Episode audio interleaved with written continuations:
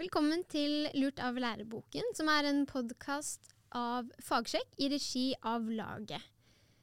Lurt av læreboken har som mål å fremme kritisk tenkning og faktaformidling. Jeg er Sara Victoria Løvrød, jobber i Tankesmien Skaperkraft, og jeg har med meg Bjørn Are Davidsen, som er redaktør i Fagsjekk, og er særlig interessert i å etterforske fakta og ta et oppgjør med feil. Hei. Hei, Sara. Hyggelig å ha deg med i dag òg. Ja, takk skal du ha. Yes. I dag skal vi snakke om faktaformidling i barnebøker. Og vi stiller spørsmålet om hvor farlig er det at det er feil i barnebøker? For hvorfor skal vi se på barnebøker i denne sammenhengen? Når vi ser på faktaformidling, tror folk på det som står i barnebøker? Jeg tenker nok at det er sånn som uh, mange andre sjanger at det varierer. Uh, noen tror på det, andre tror ikke, men jeg tror at det på en måte glir inn, da. Altså jeg er veldig glad i barnebøker. Jeg synes at det er der mye av det mer sånn kreative, spennende skjer i, i forlagsbransjen for tiden. Og jeg, jeg lar meg stadig begeistre av alle de gode som uh, illustrerer disse bøkene. Mm. Uh, mye fint der, altså enten de tegner og forteller altså både og, lager det som en form for tegneserie, eller veksler mellom tegneserier og tekst, eller har bare helsides illustrasjoner som følger ledsagerteksten. Men det er mye kreativt og mye fint. Og da er det mye som da blir sittende igjen i, i, hodet vårt når vi har lest gjennom, enten vi er liksom sju, åtte, ni, ti år, eller som meg, da, selv meg som er noe eldre enn åtte år, eh, har faktisk eh, fått utbytte av, både godt og kanskje litt dårlig, av å lese en del sånne barnebøker. Hmm. Formidles det mye feil i barnebøker? Ja, altså Det er jo sånn at barnebøker kommer i mange farger og fasonger, som det heter. De er jo noen bøker som er opptatt av å formidle det de oppfatter som fakta. Mm. Og der er det altså overraskende mye feil, spesielt når man ser på historie. Mm. Det er mye mindre feil på teknologi og vitenskap og sånt. Men kommer man til ting som eh, vikingtiden, middelalderen, opplysningstiden, så blir det veldig fort disse her merkverdighetene som vi har vært inne på i en del av de tidligere episodene. Og det kan bli litt sånn der, eh, skal vi si, ensformig da, å ta opp de samme feilene hele tiden. Men uh, vi skal nok oppdage noen nye denne gangen. Vi skal det, ja. Har du eksempler på noen nye? Ja, altså et eksempel er jo da fra en bokserie uh, som er skrevet av Marianne Nilsen. Og veldig, syns jeg, imponerende illustrert av uh, Elin Grøtan, hvis hun har stått for alle disse illustrasjonene. Dette er veldig lekkert lekre bøker som vil mm. bli lest, altså. Og de har ulike temaer. En er liksom om eh, middelalderen, en er om eh, renessansen osv. Uh, og det vi da ser, er at i den boken om middelalderen, så blir det liksom fremhevet på baksiden da, at visste du at i middelalderen fikk ikke barna gå på skole. Uh, når de ble tolv år, måtte de begynne å arbeide. Og gjorde de noe galt, da risikerte de å komme i fengsel. Mm.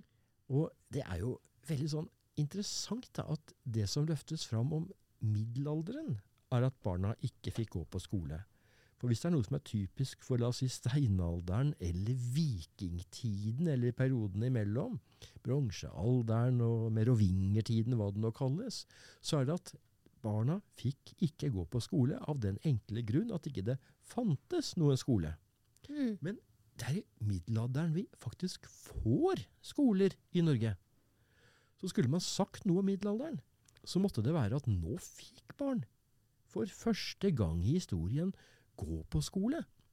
Og denne boken foregår da på midten av 1300-tallet, og det foregår i Bergen. Og der hadde det vært en eh, katedralskole, klosterskole, i 200 år hm. omtrent, når denne boken uh, foregår.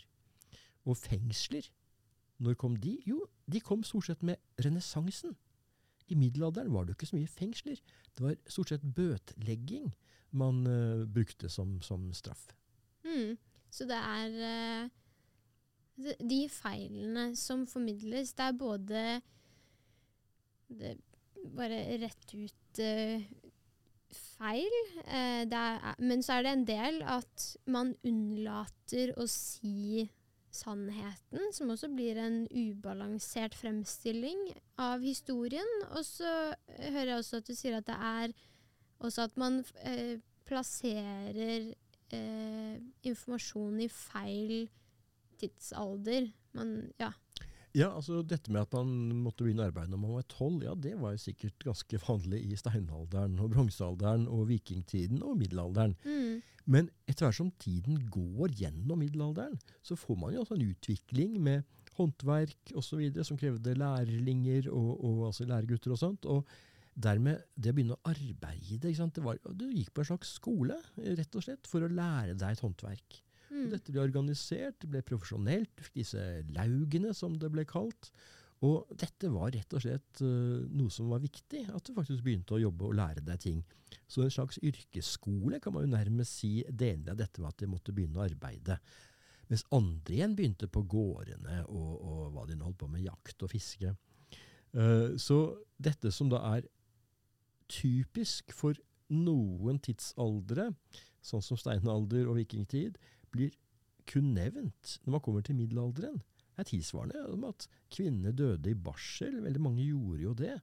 Og, da, øh, og hvis- det nevnes, så er det stort sett for middelalderen. Mm. Mens dette var jo vanlig i tusener av år før middelalderen, og i veldig mange hundre år etter middelalderen.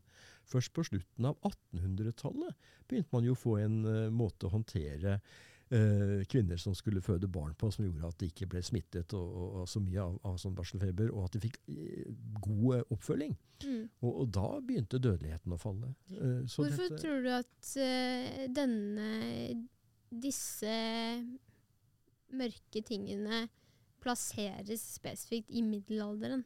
Jeg har en mistanke, dette er jo ikke akkurat noe forskningsbasert påstand jeg kommer med nå, men jeg har en mistanke om at man har et slags bilde i hodet sitt av at middelalderen var mørk. Og så kom renessansen, som var lys, og så vikingtiden var, var kul. Mm.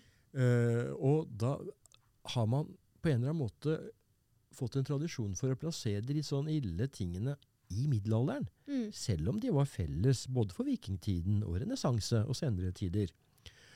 Og det er med fordi de leter etter noe som kan liksom bare understreke hvor bra det ble med renessansen når man kom seg ut av middelalderen. Mm. Og dermed må man ha en eller annen, og kanskje mange ting, som bidrar til å holde denne middelalderen på det, det mørke planet som, som man har fått for seg. Sånn overordnet historie skal handle om. Kan det være at dette blir enda mer karikert i barnebøker? Fordi historie er jo den er jo veldig sammensatt, og, og selv for voksne mennesker så må man ta valg om hva man skal si og ikke si. For det Ja, det er jo altså Om man skal være ekspert, så kommer du kanskje aldri til bunns selv da. Men, men i barnebøker så må man jo ta noen valg. Eh, og så må man kanskje Man må jo forenkle ting. Eh, men eh, hvordan kan man forenkle ting på en måte som ikke blir feil, da? Det er eh, en utfordring. En ordentlig utfordring. Eh, selvfølgelig må barnebøker forenkle. Altså, det er jo ikke mulig. Altså, man må forenkle selv for voksne. Og barnebøker må forenkle ekstra mye, gjøre ting tydelig. Og både ved tegninger og ord, og, og hva man nå har av sånn saksopplysninger, fun facts osv. Og og det man da har lett for, er å, som jeg var inne på, overdrive det Mm. mørke, og kanskje også overdrive det lyse. Og eh, det er veldig sånn et, en sånn pedagogisk grep, da. At skal barn huske noe, så må det være karikert. Mm. Men hvis det er sånn at karikaturen dels handler om noe som ikke stemmer, og dels etterlater et inntrykk som gjør at den overdrivelsen man gjør, formidler et helt feil bilde av hva som faktisk foregikk i en periode, eller i en kultur, eller i et miljø, så er det uheldig. Det bør unngås. Mm. Og jeg tenker at barnebøker kan fremstille ting på veldig mange forskjellige måter, og også veldig morsomt, selv om det man sier er riktig. Og jeg tror at det er utfordringen her. At du må rett og slett først i bunn ha noe som stemmer og er noenlunde representativt, som kan opplyse noe om det temaet du skal si noe om, og at du gjør det på en litt morsom måte. Mm. Over store, altfor store briller, eller sant, at han har stadig brillene opp og ned av lommen. Ikke sant, lettere, sånt han kan karikere da, at jeg eller andre som man skal fremstille, uh, har, har, noen fakter som da blir overdrevet, og det husker jo barn. ikke sant? Mm. Uh, og Det klassiske eksempelet her, fra veldig mye barnebøker og til og med læremidler, er jo dette med Columbus. Når Columbus skal reise ut og oppdager senere Amerika på denne turen sin, mm. så er hans sjømenn livredde for å seile utfor kanten av den flate jorden. Og det bildet av disse livredde sjømennene blir jo sittende fast i bakhodene på veldig mange. Selv om det altså ikke har noe som helst med virkeligheten å gjøre. Det var ingen som var bekymret for å seile utenfor kanten av jorden. Mm. Det man eventuelt var bekymret for, var at havet var så stort at man ikke kom seg til den andre siden, og dermed skulle sulte eller tørste i hjel. Så det er en helt annen type bekymring enn bekymringen for å falle utfor kanten av jorden. Mm.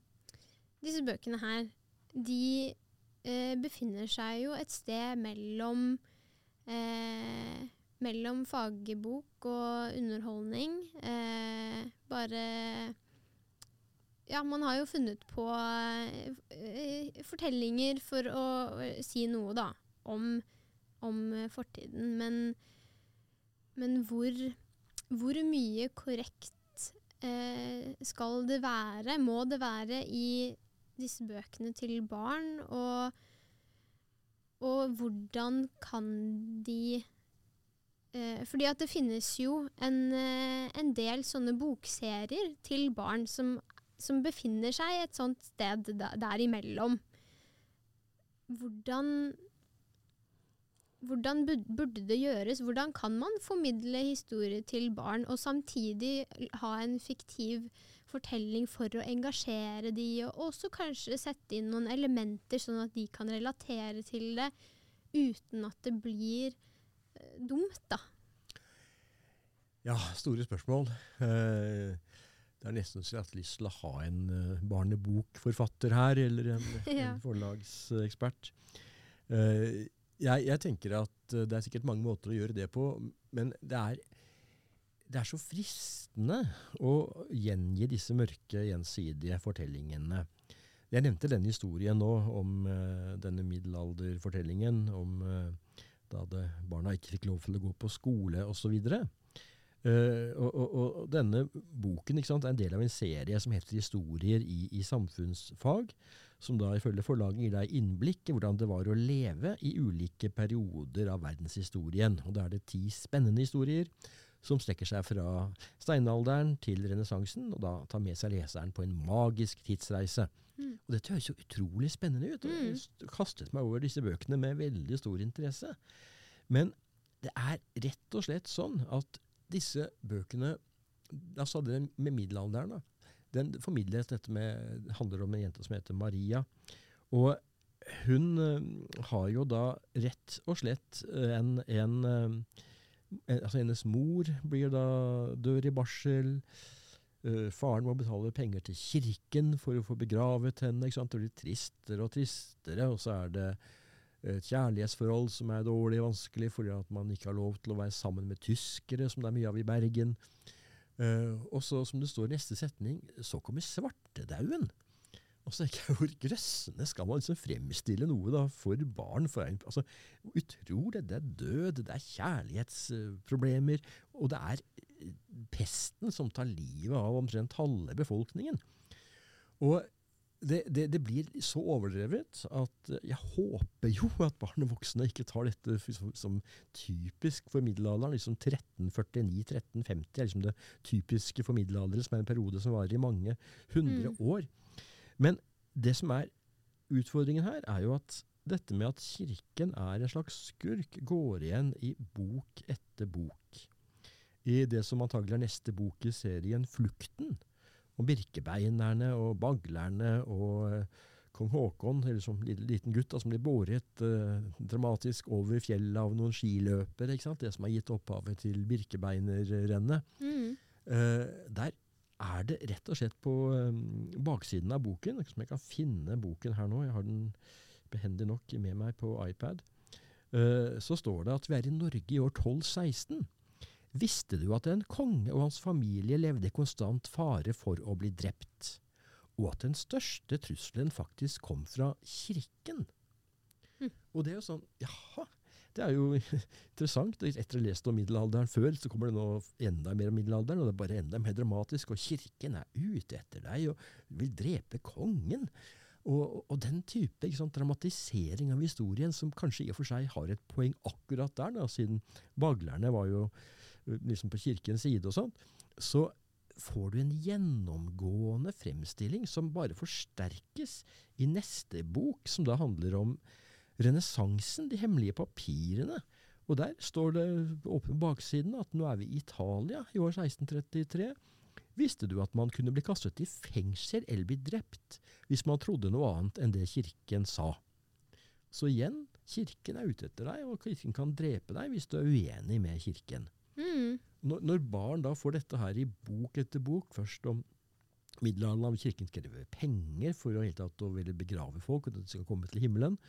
Eh, kirken eh, er ute etter kongen, kirken er ute etter vitenskapsmennene. veldig sånn skurkebilde av kirken hele veien i bok etter bok. Så er det en serie som blir så ensidig at her burde forlaget ha tenkt seg skikkelig om altså, før de ga ut denne serien. Mm.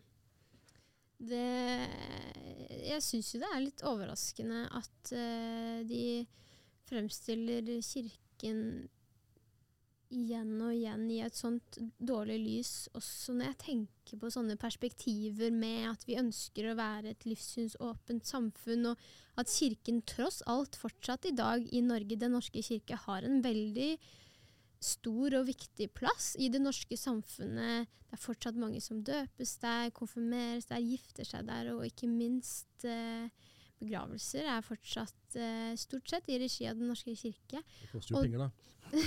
ja. men, men jeg liksom tenker på at eh, altså, Hva vinner man ved å gi barn en så kritisk holdning til kirken? Jeg tror ikke man tenker over dette ja, i det hele tatt. Jeg tviler sterkt på at dette forlaget og forfatteren er, har noe, liksom, er ute etter å ta kirken spesielt. Men jeg tror det er blitt en sånn slags måte å dramatisere noe på. At Mm. du, du tar ett element, du blåser det veldig opp, og du lar dette bli noe som gjør at barn får noe minneverdig. Og, og da blir det jo dumt hvis det minneverdige er feil eller veldig skjevt og urettferdig. Mm. Og eh, det som da er greia her, er jo at du rett og slett har å gjøre med en fremstilling som både er veldig sånn mytebasert, den fremstillingen av Galilei er helt utrolig, altså. Vi kan ta opp det i en senere episode. Vi har sagt det en del ganger nå, så vi må virkelig ta det, Ja. ta det med oss senere. ja. Så da kan du Be afraid, be very afraid, når vi kommer inn på alle detaljer rundt Galilei-saken. Men vi skal ta, prøve å ta det pedagogisk, da Mm. uten å karikere, håper jeg. Ja. Men i hvert fall så, så er det sånn at disse bøkene de, de blir såpass uh, ensidig opptatt av å fremstille noen spesielle aktører som kirken som negative.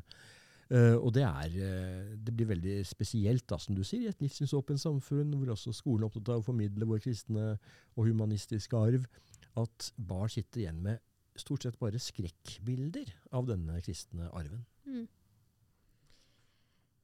Har, du har sagt mye om mange eksempler på at fortiden fremstilles i et uh, spesielt mørkt lys. Er det eksempler på at fortiden også forgylles på en ukorrekt måte? Ja, så Det er litt lett for at f.eks. vikingtiden da, fremstilles veldig positivt. Eh, og istedenfor at man liksom snakker om de blodige toktene ut, hvor man uh, drepte og plyndret og tok slaver og voldtok og hva man holdt på med, så blir det snakk om handel. Og har man noe om treller, altså slaver, så er de venner med barna. og venner med de voksne, istedenfor at de er liksom skikkelig hundsete og utnyttet og plaget og dør unge og sånt, så, så, så blir det veldig sånn romantisert. Og det er, det er eh, litt sånn eh, typisk eh, for en av disse andre bøkene, da, som en annen serie som heter 1-2-3-serien, Cappelen Dams leseløv-serie, skrevet av Cecilie Winger, og fantastisk illustrert da, av Helene, Helena Lindholm. Men hvor teksten dessverre blir veldig sånn ensidig. Og, og hvor du har gjennomganger av, av, disse periodene. For eksempel har du, og det er bra, da, mye om slaver og sånt, men mm. det er liksom forskjønnet at de får med seg slaver i gravene. ikke sant? Jaha, hva, tror man at slavene liksom gikk frivillig altså, Hva vil barn som leser det, tenke? Mm. De måtte jo ta livet av disse slavene for å få det med seg i gravene. Og sånt. Mm. Og, og, og, hva slags etterliv var det de hadde i tankene når de trengte så mye med seg også av våpen? Det var liksom ikke noe fredelig himmel de kom til. Det var noe som skikkelig krevde sin mann, tydeligvis. da. Mm. Uh, og hjelp av noen slaver for å klare seg. Og så har denne boken en veldig interessant greie ved at du ser Slavene er i bronsealderen og vikingtiden, og så er de ikke omtalt for middelalderen. Og Grunnen er enkelt, slavene er borte. Men man kunne jo sagt noe om hvordan det ble slutt på slavene. Hvorfor hadde vi ikke slaver etter vikingtiden, i hvert fall ikke så lenge? De sier ikke noe om det? Nei, de er, de er bare plutselig ute av historien. Og, og, og, da satt jeg og tenkte jaha, det hadde ikke vært morsomt liksom hatt en sånn faktagreie eller fun fact. Ikke sant? De har sånn der, Siste nytt og dagens gjest og sånt i disse, denne boken, Norgeshistorien på 1, 2, 3. Hvor de har ulike personer som stiller opp. da, og liksom er, Du har slaver, og du har Leif Eriksson, tolv år, og du har Aiden, som er ni år og er eh, trell eller slave, som man sier som heter på engelsk. Og stadig flere begynner å bruke også på norsk. Eh, det, det, det, er jo rett og slett sånn at kunne man hatt en sånn dagens gjest i middelalderen som var en frigitt slave mm. Det har sagt noe om at uh, han hadde fått tatt bort dette båndet om halsen som gjorde at han da ble såkalt frihalset. Eller frelst, som de kaller det. Og, og, og, og, det er jo sånne ting som, som uh, jeg savner, uh, som en ny utgave virkelig bør ha med. Men uansett, de, de, man forskjønner veldig fort vikingtiden, også bransjealderen, liksom en slags idyll. Liksom det er på skogstur med familien. Liksom det er der det handler om. Og ikke blodige kamper og, og, mye sykdom, og hva det var som var realiteten også i denne harde kampen for tilværelsen. Lenge før eh, middelalderen og renessansen av våre dager. Det var tøft altså, å leve og vokse opp som i steinalderen og disse andre periodene. Mm. Men om jeg stiller spørsmål om du motsier deg selv når du sier at i middelalderen så fremstiller de alt det negative, og så syns du det er dumt. Men nå sier du at du vil at de skal fremstille det negative i vikingtiden, blant annet. Ja, jeg ønsker at nå skal vikingtiden bli den store skurken her. ja. Ja, for det skal vi bare flytte på hvem, ja, altså, hvilken tid som alle, er uh... Alle barnebokforfattere får oppfordre Nei det, altså det som er greia, er at vi trenger en balanse, en realisme her i mm. fremstilling av perioder. Men Var vikingtiden verre enn middelalderen, er det det du sier? Ja, så Det spørs hva man ser etter, selvfølgelig, men jeg vil si ja. Uh, vil si, det, da var det blodige tokter til utlandet, hvor man røvet slaver og drepte forsvarsløse mennesker i klostrene og på landsbygdene utenfor, i England og Irland og uh, Frankrike og Spania osv. Og, og til og med i Norge var jo vikinger rundt og plyndret i, i, andre fjorder enn der de hørte hjemme. Så det var jo noe av det som eh, Olav Haraldsson, eh, altså Olav Hellige, forbød eh, på 1020-tallet. var Frambø vikinger, vikingraid i Norge. Mm. Og sånne ting må man være veldig bevisste på, at det var utrolig mye mørkt og grimt i vikingtiden. Nå sier jo ikke jeg at det ikke var noe som helst av mørkt og grimt i middelalderen, som er altså en lang periode, da, men at hvis man legger det mørke kun til middelalderen, fokuserer mest på det lyse i viketiden, så blir inntrykket som etterlates, veldig feil. Uh, så, så, man trenger å ha både mørk, mørke og lys i alle disse fremstillingene, slik at man skjønner litt av begge sider. Og så kan man jo diskutere hva som er verst, da, vikingtiden eller middelalderen, men det er, av, det er man uh, avhengig av hva man er opptatt av. å se etter, selvfølgelig. Jeg vil tenke at det er bedre på de fleste områder i middelalderen enn i vikingtiden. Mm. Det, for meg så høres det ut som at eh, det at man har en tydelig skurk man kan skylde på, som man har i middelalderen med kirken, da, at det gjør det lettere å male en, en mørk historie. Eh, og også svartedauden. Man har liksom en kjent eh, plage der som man kan, man kan navngi, men i, i, vikingtiden så er det kanskje folk flest, eller, eh, eller er det liksom handler det om også de verdiene man vil formidle, og at man ikke vil eh, Man vil ikke at barn skal skamme seg over liksom, den norske arven i vikingene. Nå, nå, bare syns jeg litt her, men jeg bare, jeg bare syns det er så interessant. Da, hvor, hvorfor vil man ikke fremstille vikingene sånn som de var? Ja, det, det er uh, ikke lett å peke på bare én ting, men jeg tror at noe av det henger sammen med en sånn tradisjon tilbake til 1800-tallet. Veldig mye som vi snakker om i disse episodene her, som kan føres tilbake til 1800-tallet. Mm. Men, men, det går på den nasjonale romantikken som vokste fram der. Og liksom ønsket om å markere den norske kulturarven som bra. En slags ja. opposisjon da, til både Danmark og Sverige. Vi var i union med Sverige eh, det meste av 1800-tallet.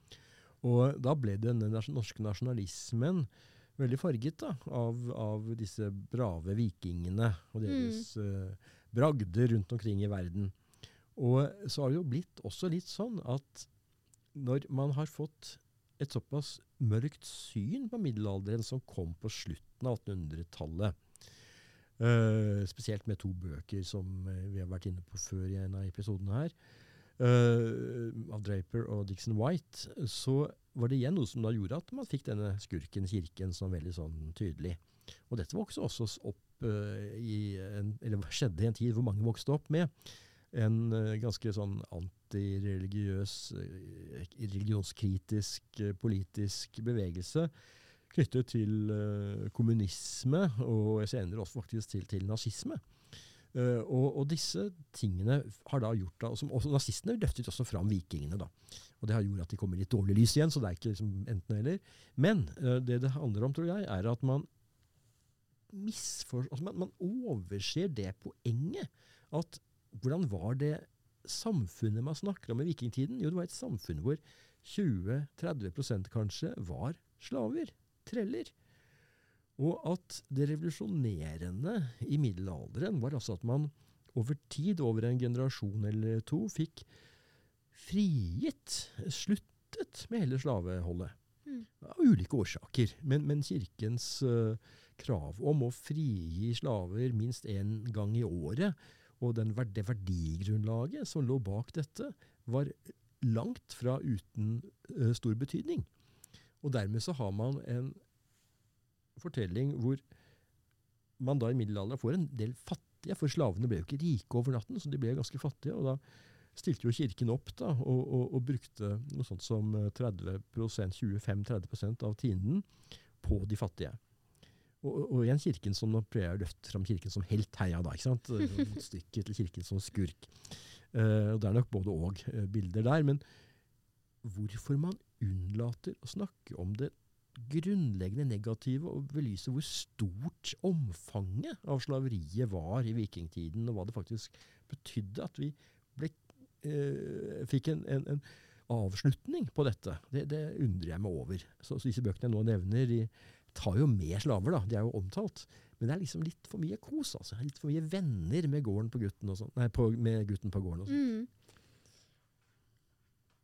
Det det, jeg syns det er veldig interessant eh, det du sier. Eh, hvordan man unnlater å fortelle visse sider av historien hvis ikke det passer inn i en sånn enkel fortelling om at denne epoken var kjent for eh, dette og dette, om det enten er positivt eller negativt. Da. At det virker som at man, man plukker og velger litt. og Eh, og så lurer jeg på, også i lys av akkurat det siste du sier, med dette med, at man snakker om eh, slaver som venner og ehm, Ja, eh, jeg, jeg lurer på er, Tror du det er lavere terskel for å male fortiden i sånne moderne farger, hvor alle skal være venner med alle og inkludere og akseptere alles rettigheter, disse her eh, moderne paradigmene, at det er lavere terskel for å male de inn i fortiden i, i barnebøker for å Kanskje både for å formidle visse verdier, eh, og også kanskje å, noen ganger for å skåne dem da fra både det man tenker er moralsk forkastelig, eller ting som bare rett og slett er brutalt. da. Sånn som det at ja, man måtte faktisk drepe de slavene for å sende de med i, i graven. Um, ja, hva tenker du om det? Ja, det er nok et, altså man, man har jo et ønske om å formidle noe bra, bra verdier, positivt budskap. Det er ikke bare liksom hvor trist og fælt og slemme menneskene har vært mot hverandre, som er liksom det man ønsker å formidle, da. Unntatt når det er i middelalderen, selvfølgelig. Men, men, men, men det, er, det er klart at, at øh, ja, øh, da, da kan det være fristende, altså enten det er liksom bevisst eller litt ubevisst, at man bruker litt for øh, varme farger på litt for sånn rosemale disse epokene litt mye for liksom å få fram at vi er tross alt venner. Og, Mm. men, men, mens øh, man kanskje ikke sier så mye om hvor kommer disse verdiene fra? Hvor kommer likeverdstanken fra? For den var jo fremmed for vikingene.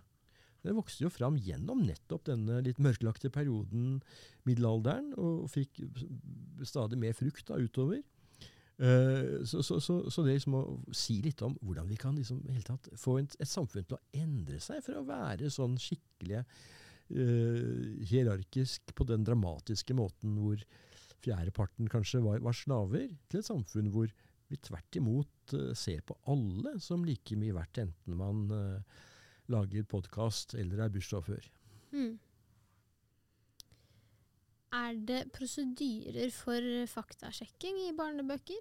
Og kanskje særlig i sånne barnebøker som utgir seg for å være og ha som hensikt å skulle formidle historie? Jeg håper jo det. Og det vil sikkert variere fra forlag til forlag. Altså Noen forlag har jo gitt ut bøker som, som eh, er bra. Eh, og da, da håper jeg at det kommer av at det er forlaget som har gode prosedyrer, ikke bare forfatterne som, som har eh, lært Mm. seg dette. Men eh, det ser ikke helt sånn ut, må jeg tilstå. Så vi får nesten spørre forlagene, da. Og det vil være ulike svar, vil jeg Mm. tro. Men det er klart at forlagene har jo prosedyrer. Men, men spørsmålet er igjen altså, hva er det man kommer på å se etter? Hvis forlagsfolkene, konsulentene de bruker, har de samme bildene i bakhodet som forfatterne av historien, de samme liksom, eh, ønskene om å fremstille noen perioder som liksom, i kontrast til andre perioder, så vil det kanskje være at ting eh, passerer det filteret som eh, de har på andre områder. Mm. Hva har det å si at eh, barn får et litt sånn halvveis korrekt og til dels ganske ukorrekt bilde av fortiden? Ja, det betyr at man fortsetter å formidle mange av de samme mytene og perspektivene som vi har levd med nå i 150 år, eller noe sånt. Og det vil da igjen si at faren for at læremidler, barnebøker, populærvitenskap, TV-serier, alt mulig rart framover, vil gjenta disse. Det blir jo ikke mindre. Og, og det betyr at vi får en slags jeg kaller det for en, en, eh, en rullende prosess, hvor du liksom bare repeterer de feilene som har vært gjengangere gjennom historien siste generasjoner, uten at du har noen som rekker opp hånden og liksom eh, sier fra at dette blir jo feil. Eh, er det dette vi skal liksom formidle? Er det dette som er vår kristne og humanistiske arv, hvor det, alt det mørke kommer fra det kristne, og det positive fra det man på en eller annen måte oppfatter som humanistisk? Hva som nå ligger i det ordet. Og, og, og det, det, er øh, også sånn at, at, barn som da skal vokse opp i et samfunn, et demokratisk samfunn, og så har de da noen grupper som på en måte er liksom litt mørklagte. da, altså Hvilket inntrykk har man av de kristne i klassen, hvis de får hele tiden høre om disse fæle, slemme kristne? Altså at Når kristne får makt, så, måte, så, så er det opplagt at de misbruker denne makten og ødelegger for samfunnet. Og hvis de kristne får styre, så vil de ta oss tilbake til middelalderen.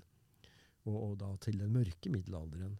Og Hvis sånne holdninger får eh, rot, som det kan se ut som de har fått i en del eh, sammenhenger, så blir det fryktelig uheldig for et samfunn hvor man skal bygge tillit og broer mellom ulike grupper.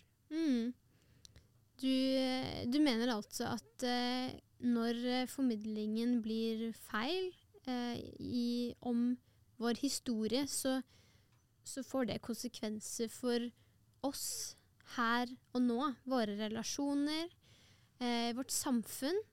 Og det, også, det, kan forplante seg videre inn i, inn i fremtiden òg, er, er, det det du sier? Ja, nå blir det litt sånn tabloid dette her, da. Eh, litt sånn store ord og sånt. Men, men eh, jeg, jeg, har en, en, liten sånn bekymring for dette. Altså at det, det vil jo være sånn at vi, vi, har alltid en del sånne myter og fortellinger som på en måte bærer og bygger samfunn med helter og skurker og idealer og ting vi skal liksom advare mot. da. Uh, men det vi trenger i dagens uh, samfunn, uh, et flerkulturelt samfunn, det er jo ikke flere myter om, om ulike grupper. Flere mm. liksom, misforståelser og, og, og, skurkebilder. Vi trenger jo å prøve å forstå hverandre bedre. Og det å forstå hverandre, det må innebære vilje og evne til å sette seg ned og finne ut av ting. Og da unngå å tegne disse karikaturene av hverandre som man har så lett for å gjøre. Mm. Hva er dine beste tips til de som skriver barnebøker, forlagene som utgir dem? Eh, ja, bortsett fra alt det ringer meg. Uh, nei, det, det, er, det, er, altså det, det, må jo være litt sånn at man bør være litt sånn obs. Ha noen sånne oversikter over fallgruber. Mm. Prøv å unngå disse fallgrubene. Og, og, eh, også at man faktisk bør lese litt mer om disse periodene, eller de temaene som man skriver om, enn det kan virke som man har gjort. Og da med mer mener jeg liksom ikke bare at man leser andre læremidler og populærvitenskap, og sånt, men leser faktisk litt sånn fagbøker. Mm. Så man får da et, et, rett og slett bedre bilde, bedre bakteppe for de tingene man skal skrive om, enten det er om oljeutbygging, eller det er om vikingtiden, eller hva som måtte være temaet. Mm. Fordi vi, vi, mener jo at det er viktig at, uh, at de som skriver, de som formidler fakta, gjør det på en god og korrekt måte. Eh, også til barn. Ja, barna fortjener det. De må mm. bli tatt på alvor og få ting som de kan stole på. Og sånt bygger også tillit, da, hvis de ikke altså Hvis de ser plutselig, når de blir uh, ti år eldre, at det som de lærte om i barnebøkene fra det, det forlaget var jo riv ruskende galt, så blir man jo litt sånn uh, snurt da, og, og, mister tilliten til det forlaget, de forfatterne, eller hva det måtte være. Mm. Nei, det var vel det vi rakk å snakke om i dag. Jeg tror vi har sagt eh, mange spennende og viktige ting. Hva skal vi snakke om neste gang? Ja, da får vi nok besøk, hvis alt går etter planen, av en forfatter eh, som har skrevet ganske mye spennende bøker, også om religiøse spørsmål, hvor han leker litt med en del av disse mytene, nemlig Tom Egeland. Ja, spennende. Vi eh, har hatt to episoder med bare oss to nå, men eh, vi ønsker jo å ha mange spennende gjester, og har hatt en, og flere skal det, flere skal det bli. Og så vil vi avslutningsvis eh, takke for alle som har fulgt med på denne episoden og de andre episodene. Vi håper at dere vil følge med videre for disse spennende gjestene og spennende temaer.